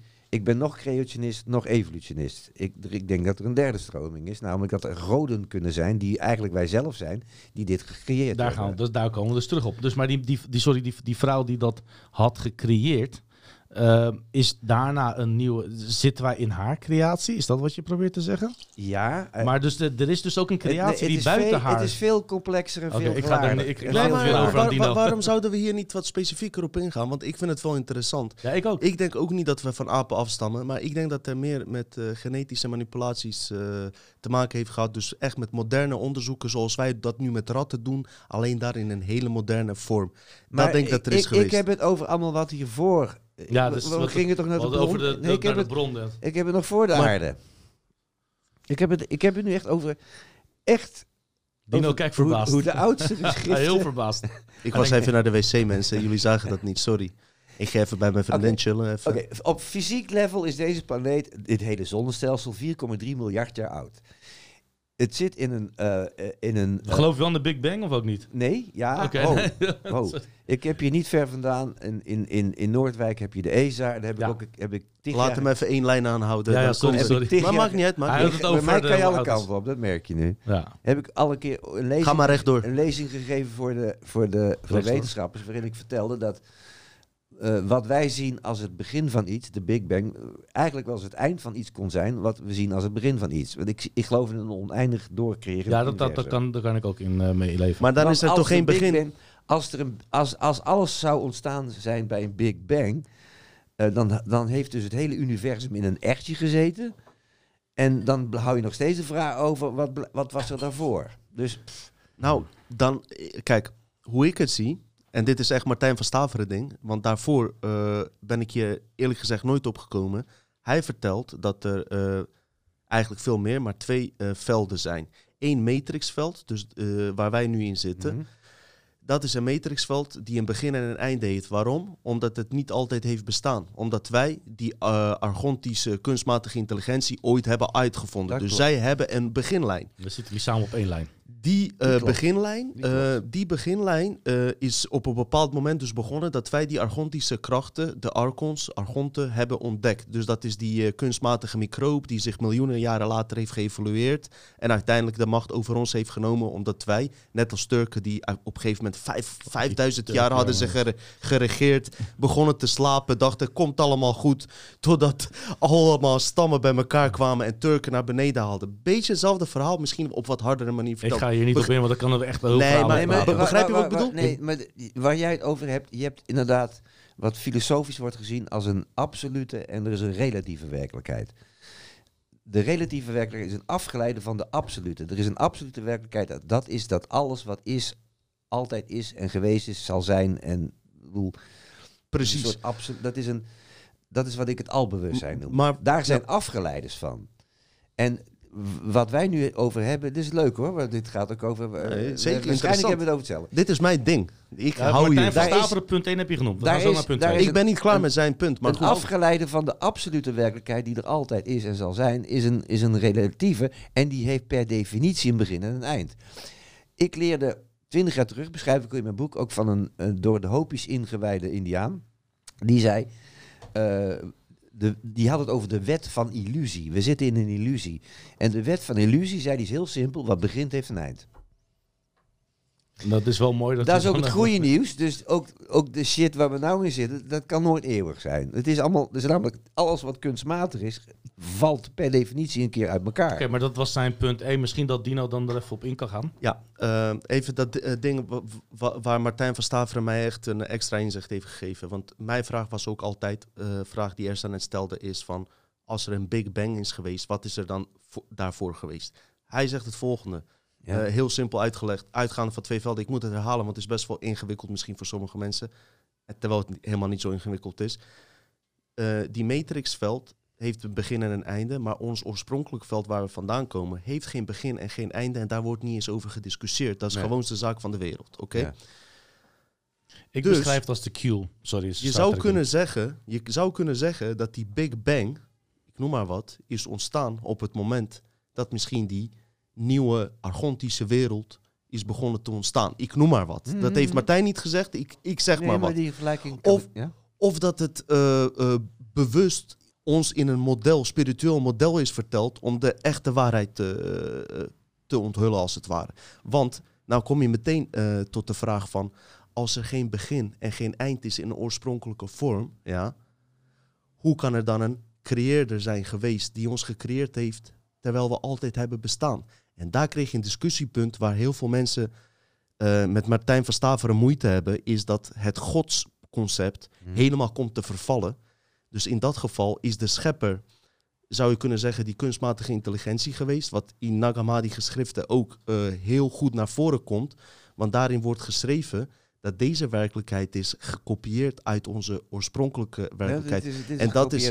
En dat is Ja. wat Martijn ook zegt. Ze hebben één fractie, één nanoseconde waar we niet oplettend zijn geweest in onze oorspronkelijke vorm, hebben ze gekaapt. En die nanoseconde, en daaruit is deze realiteit ontstaan. En ik kreeg nu rillingen over mijn heel fucking lijf. Nou, Als het programma is en ik ga terug naar, naar het IT-gedeelte. Wij leven, in een nano, wij leven in een nanoseconde. Hoe hij het vertelt, even heel globaal. Daar, heeft hij een, eh, daar kan hij duizend uur over praten. Maar hij zegt, ze hebben ons bewustzijn gekaapt, die argontische krachten, in een on- onoplettendheid in een nanoseconde. En moet je nagaan hoe krachtig wij zijn. Dat deze wereld, die voor ons dus zo eh, gigantisch groot lijkt, Mhm. slechts een nanoseconde is van onoplettendheid van onze oorspronkelijke vorm. En waarom zeg ik dit? Dit kan ons misschien ook kracht geven in deze tijd waar we in zitten. Hoe groot wij eigenlijk zijn. Om dat is misschien ook Nou, dat, dat, dat is het grote geheim waar ook de Naghamdi het over heeft.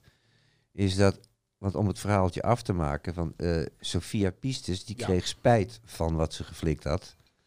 Eh, dat ze dus eigenlijk, Hoe, hoe, weet, hoe weet je dat? Laat ik zo zeg maar. Ik, schreef, ik, ik Oké, citeer gewoon wat, ja, in die ja. dikke boeken staat.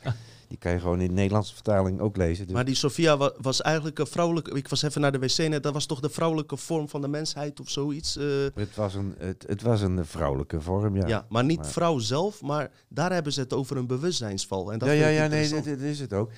En, maar die is dus eigenlijk, heeft bij wijze van spreken stiekem vanuit de scha... eh, Het is een variatie op wat Martijn ook zegt in feite. Er is in feite op een, op een onopgemerkt moment is de, heeft, heeft Sophia gewoon gebruikmakend van slechts, daar wordt dan verteld, de schaduw van de schepping, heeft ze een kunstmatige schepping geschapen. En daar, hè, dat gebeurt dan door de demiurg of door, de, door Jalbarot, de hoofd. En dit stond in die geschriften van die die boer had gevonden. Of, ja, eh, dat stond in die geschrift. Zo, toen al dat ze dat al konden zeggen. Oké, oké. ja. Ja, dat, dat is het. Zij noemde het een systeem, dus niet matrix, Ja, maar, maar- dat het maar geen dat- god was, maar een systeem. Ja, ook handig Dus om bij ja, te in deze tijd kan ik het begrijpen, maar toen in die tijd denk ik bij mezelf, Maar daarom daarom kan die leven nooit wij, verzonnen hebben. daarom zitten wij in deze tijdlijn, omdat de techniek zo ver is om het te begrijpen. Ja, ik heb heel erg spijt Back to you, Peter. eh, ja, precies. Maar die argonten, die, zo, worden ze daar beschreven. Dat is inderdaad wat, wat je ook kan kennen als Anunnaki. Ehm, die, die, hebben, die vervolgens door gaan scheppen enzovoort. Maar, wat, wat, maar omdat ze via spijt kregen, nou komt het, staat in de Nag Hammadi geschriften geschreven dat daarom eh, de schepper, God de Vader, hoe je het allemaal noemen wilt, het scheppende, juist ons de goddelijke geest gegeven heeft. En dat is het grote geheim waar de argontische krachten, de psychopaten, hoe je het allemaal noemen wilt, daar ga ik zo op in, eh, ons van af willen houden. Dat wij in feite de creatieve krachten zijn. Sorry dat ik je onderbreek, Peter, want ik wil die graag laten uitspreken. Maar wie is die God die ons die kracht heeft gegeven? Wie is dat? Dat zijn we Als zelf. wij, als Maar wij die goden zijn, we zelf. dan is toch- hoeven wij dat niet van een externe God. Want, Nee, nee, die bestaat ook niet. Maar heeft Sophie ons dat niet geholpen, omdat ze spijt maar die hele schepperverhaal geloof ik niet meer in. Want ik denk dat deze wereld door onszelf geschept is. Is ook zo. Oké, Ja, nu hou ik, een, ik ga een drankje inschenken, jongens. Nee, Eh, maar het, en het, is een, het is een paradox. Wij, is echt bizar hè, hoe ingewikkeld nee, nee, is. hè? nee, nee, nee. Ik stel zelf, ik ga, ik ga, ik kan, dit, dit is multidimensionaal en multi. vast- Mandela. Daar houden wij van Ja, hier ja, bij Dutch ja. Matrix. Ik heb net Tenet gekeken in de bioscoop, was geweldig, sorry. Kom maar. Wij hebben zelf, wij, wij hebben dit zelf ook gecreëerd. We hebben zelf, wij wilden die, met die, eh, op deze planeet, eh, met die agontische krachten ook, laten we zeggen, de confrontatie aangaan. Want die, dat soort krachten, die, zijn, die vinden we niet alleen op aarde, maar die vind je verderop in het universum ook. Het zijn krachten die eigenlijk werken met de bouwstenen van de schepping, zonder het, de schepper ervan te erkennen. Die hebben iets van, eh, wat die krachten doen, ze kunnen namelijk niet creëren en ze, en ze hebben geen empathie. Ze kunnen alleen parasiteren en profiteren en kopiëren. Ze kunnen niet scheppen zelf. Maar als ze geen empathie hebben en ze hebben geen gevoel, waarom moeten ze dan... Waarom hebben ze dan de drang om iets over te nemen, om te parasiteren? Ze, zijn het sowieso... puur overleven of Ze, kunnen, ze kunnen alleen namaken. Ze, maar hebben, wat, wat is hun... ze hebben juist onze levenskracht Ja. of goddelijke geest nodig om Ja. te kunnen bestaan. En op het moment dat Ah, wij hen dus geen- voor, het is op overleving voor hun. ja, op het moment dat wij hen niet meer voeden, houdt het ook op. Ja, maar wij mensen, dat maakt ons ook Dat goddelijk bijna- juist dat wij empathievermogens hebben. Maar- En zij zijn uit kunstmatige vorm ontstaan, net als een robot. Als jij nu een robot zou maken, hij zou niet 1, 2, 3 kunnen begrijpen wat liefde is, wat empathie. Nee, een dat moet hij Een berekenen. robot kent geen empathie en heeft... eh, eh, Nu geen- nog en- niet, En, nu geen, nog niet. En geen geweten. Nee, nooit niet. En dan zal ik je ook uitleggen waarom. Leg maar uit. Waarom kan dat niet nee, in de hier, toekomst? hier ben ik fel in. Hier ja, ben maar ik fel waarom in. iets, Ah, ah. iets Pak hem aan? Peter. Waarom? Nou, vertel, Het wordt tijd dat iemand deze gozer aanpakt. kom maar. Wij, Hè, hè? leven heeft DNA nodig. En om, hoe DNA werkt, dat wordt een heel apart verhaal. Amino- aminozuren, dergelijke, et dat is de fysieke vorm. Oké, Ja. koolstof, zuurstof, stikstof en waterstof. Als dat op een planeet is, dan kan je inderdaad... eh, je- Voor ons dan. Ons Hou me details bespaard. dat, dat is, Leg die gozer uit, alsjeblieft. dat is chemisch hoe het... Als, je, als dat op een planeet is, dan kan je inderdaad... eh er kunnen aminozuren uitstaan uit... eh uit ik ben even kwijt welke stof... je- Maar Ja, anyway. ga maar door. Ehm, maar dat, dat is hem niet. We zijn niet meer. Dit is niet een chemisch verhaal, het is- het is een verhaal van geometrie. Je moet dan bestuderen hoe de geometrie van de moleculen van een DNA eruit ziet. En hoe het dus antennes zijn met vijf en zes hoeken. Om eh, informatiepartikels, zij het fotonen op te vangen. Waardoor het programma aan en Ja, uitgezet maar kan nu worden. zijn robots nog alleen maar bestaan uit eh, eh, me- mechanicale machines. Maar in de toekomst kunnen er biologische... Nee, nee, nee. Nou, laat even hem uitleggen waarom dat niet kan. Nee, nee. Blijf even nee, bij één punt. Kom nee, op, jongens. Nee, per definitie niet. Ik snap waar je heen wilt. Prachtig. Altijd wanneer wetenschappers zeggen... eh, Oké, ze, ze kunnen vertellen dat... Een is het verhaal dat, dat, dat bo- robots eh, zelfbewustzijn hebben. Of dat ze kunnen... Ze hebben een lerend vermogen. Maar Ze, dus- willen, ze, willen- ze hebben geen ziel. Dat is, staat er los van. Maar ze kunnen misschien wel Maar voelen. Voilà, dan heb je het al. Ze hebben een cognitief vermogen waardoor ze informatie en uiteindelijk zelfs delen van zichzelf kunnen reproduceren. Dat is geen scheppen. Er wordt, is een groot, er is een dun lijntje, maar groot verschil tussen scheppen en kopiëren. En dat is de misvatting die veel mensen hebben, dat ze denken dat robots kunnen scheppen. Dat kunnen ze Nee, niet. maar over gevoel. Kijk, ik zeg zoals een, je kan een gevoel is dat leer Want je aan. wij Wat kunnen is pijn? iets uit Pijn niets creëren. Wij kunnen iets uit niets creëren. En dat kan een robot never. Mag ik misschien een eh, vergelijking geven? Nee, dit is echt. Dit, Nee, nee, dit is- dit is fundamenteel. Oké, maar- is fundamenteel. Kan ik je even een verschil Ja, even tuurlijk, duidelijk tuurlijk. uitleggen tussen een robot en een. eh, eh, Nee, ik zeg waarom zou het niet in de toekomst kunnen? Nee, ook niet in de toekomst. Omdat er twee velden zijn. Er is één oorspronkelijk kwantumveld. Er is één matrixveld waar ik het net over had. Ja? In die matrixveld zitten triljarden, triljarden... Dit is allemaal Martijn van Staveren trouwens, kennis die ik heb opgedaan. Daar ben ik eh, super blij mee. Luister dit. In die matrixveld zitten triljarden mogelijkheden ingebed. Maar die zijn van tevoren ingebed, wat Peter ook zegt... gekopieerd van onze oorspronkelijke vorm... waar oneindige mogelijkheden liggen. Ja? Van die nanoseconden. Die robot is alleen in staat om te plukken uit het informatieveld die ingebed is in deze matrix.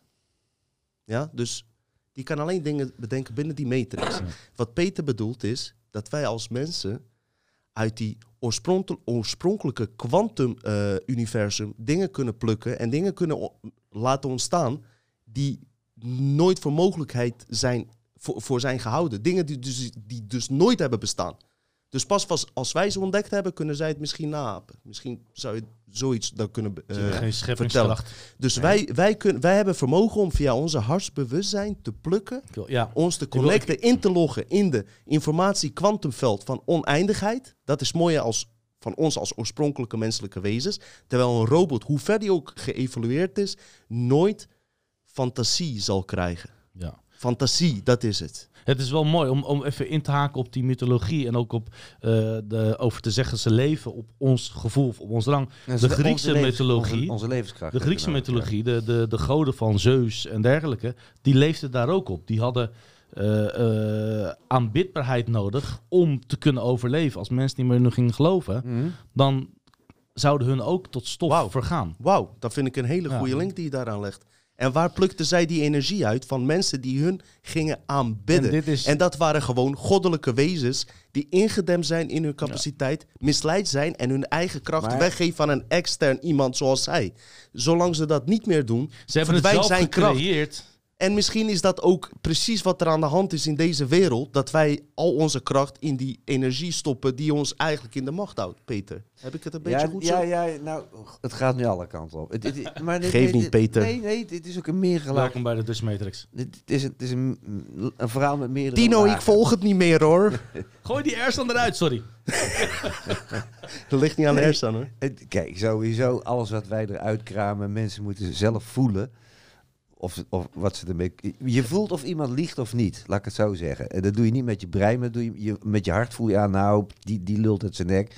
Wat niet wil zeggen of wij te volgen. Heb je te dat begrijpen- gevoel bij mij? Of, Of- eh, Nee, nee. nee, oké, nee. Nee, het, het- het hoeft niet te maken met of wij te volgen zijn of te begrijpen zijn. Want ik begrijp zelf vaak ook niks al, niet alles. Maar goed. Ehm, nou ja, we komen een heel eind. We- we- het gaat over eh, dat, dat de grote grap is dat wij dus die goddelijke wezens zijn. En daar zijn eigenlijk die Algonten jaloers op. En nou, als ik weer, ik, ik grijp maar weer even terug naar die Nag Hammadi geschreven. Anouki? Oh nee, nee. Anu, Anu, nee. Hou maar bij die Nagamadi nou maar, want anders gaan we echt alle Ja, we kanten hebben op. Sophie, we hebben Anu en nee, die nee, het is heel ingewikkeld. Dat hele verhaal Hou is, maar is op die heel Nagamadi. complex. Hou maar op één lijn, weet je, en dan kijken we waar we op uitkomen. waar, waar ik heen wil, inderdaad, is als je dan gaat kijken hoe die argonten worden beschreven, dan hebben ze het over entiteiten zonder identiteit. Als ze een vorm krijgen, dan zijn het slangachtige wezens. En zo wordt de hoofdargont beschreven als een slangachtig wezen met een leeuwenkop. Een slang met een leeuwenkop. Ja. Dus, oké. En zo staat hij ook op, Want ik Rome- wilde- ik wilde- op Romeinse munten. Wacht, e- even wacht. Sta- Ja. Zo staat hij daar ook op afgebeeld. En het is een... eh eh, want de Romeinse cultuur, jij bent een, een trekkie, dat, is, dat zijn de Borg. Oh, prachtig. Sorry, ga door. De. Romeinen is, is een copy-paste culture geweest. De Romeinen kon, is een typische Argontische We are the cultuur. Borg. We will assimilate you. Ja. This is futile. Ja. Luke, I'm your father. Nee, dat is wat anders. Star Wars Dat is klootzak. Star Wars. Echt hatelijk, nee. Die twee Jongens, moet je niet... het ligt niet aan mij, hoor. Ga door, ga door. Laat die man zijn Nag Hammadi ding vertellen, man. Nee, maar ik maak wel graag de vergelijking met de Borg. Kijk, ik probeer uit te leggen wat een Argontische cultuur is. Dat is een copy-paste culture. Die kunnen niks zelf. Wat wij Romaanse bogen noemen, die zijn niet van de Romeinen, die zijn, waren van de Etrusken. E- Etrusken? Etru- volk voor de Romeinen. Ah, oké. Maar ze- snap je, die Romeinen veroverden plekken, daar jatten ze wat ze gebruiken konden en dat maakten ze zich eigen. Dat is wat ze deden. En verder speelden ze iedereen tegen elkaar uit, bedoel, al die dingen. Ehm, dat was het Romein. En we zitten nog steeds met heel veel van de Romeinen opgeschreven, want we hadden die Romeins-katholieke kerk, want toen op een gegeven moment eh, het Romeinse Rijk instortte, heeft gewoon de, de, de Romeins-katholieke kerk die hele infrastructuur gewoon overgenomen. En werd Caesar vervangen door een paus. Wij hebben hier ook Pino, eh, die pizzatent. Slim, er maar dat steeds, is, hè? dat is weer angst, hè? Als jij niet naar mij luistert, ga je niet naar de hemel. Precies, Dat is maar precies ik wil die- over die we Naga we we door, Naga we. Eh, daarin, wordt, daarin wordt verteld over hoe, hoe de Argonten werken. En er wordt voor gewaarschuwd dat ze de planeet wil overnemen. Boeiend vind ik een detail is dat Christus of Jezus die vertelt dat aan Johannes. En Johannes mag het niet doorvertellen voor geld. hij mag het, en hij mag het alleen delen met ingewijden. Want, eh, want anders, omdat dit kennis is die, die hoe zeg je, dat tegen hem gebruikt kan worden. Dat is Dus heel- dit- dit is al een grote vraag. Eh, sorry voor het onderbreken. Dit is al een grote vraag. Waarom hier al een soort van vriendjespolitiek aan te pas komt. Nee, dit is geen vriendspolitiek. Dit is. Ja en nee, dat is een goeie. Want nou, ik, ik, ik- waarom niet de rest van de mensheid en waarom Johannes wel? Omdat die. Oké. Als jij, je in, als jij in angst bent en je hebt het over Argontische krachten, dan krijg je ze op je dak. Mhm. Ah, ah, het, is, het is niet iets om mee te spelen of grapjes mee te maken. Eh want het zijn, we hebben het over duistere krachten die eh, op trauma's leven. En die niet op- trauma's naar boven kunnen halen in mensen. En die, want je, op aarde, 4 à 5 procent van de bevolking is psychopaat. Dat wil zeggen, dat, dat wil niet zeggen dat het allemaal massamoordenaars zijn. Dat heeft allerlei vormen, heeft dat. Maar je hebt ook nog dat mensen niet psychopaat zijn, maar eh, psychopathisch handelen. Want ik zie het als een wolk van energie die mensen over kan nemen. Is dat het deel van die Argonten die invloed op ze heeft op die, op die mensen dan? Ja, ik het zo zien? ieder die niet in zijn hart is, kan überhaupt door welke kracht dan ook worden overgenomen. En wordt dan slaaf van die krachten. Wat, wat met corona nu gebeurt, is er wordt angst gezaaid en dan kunnen die krachten het van mensen overnemen. Ja, zeker. Daar hebben we het ook vaker En het over. is een soort ja. massahypnose waar we in zitten. Massa-hypnose En de en, enige- massa-hysterie, denk ik En ook. de enigen die er geen last van hebben, zijn mensen die eh, de moed hebben. Maar moed, dapperheid is een eigenschap van het hart. Om, om in hun hart te zijn en dat te beschermen. Mhm. En soms wordt het getriggerd omdat je als moeder je kinderen wil beschermen. Of vader je... Je bent chanteerbaar vaak, hè?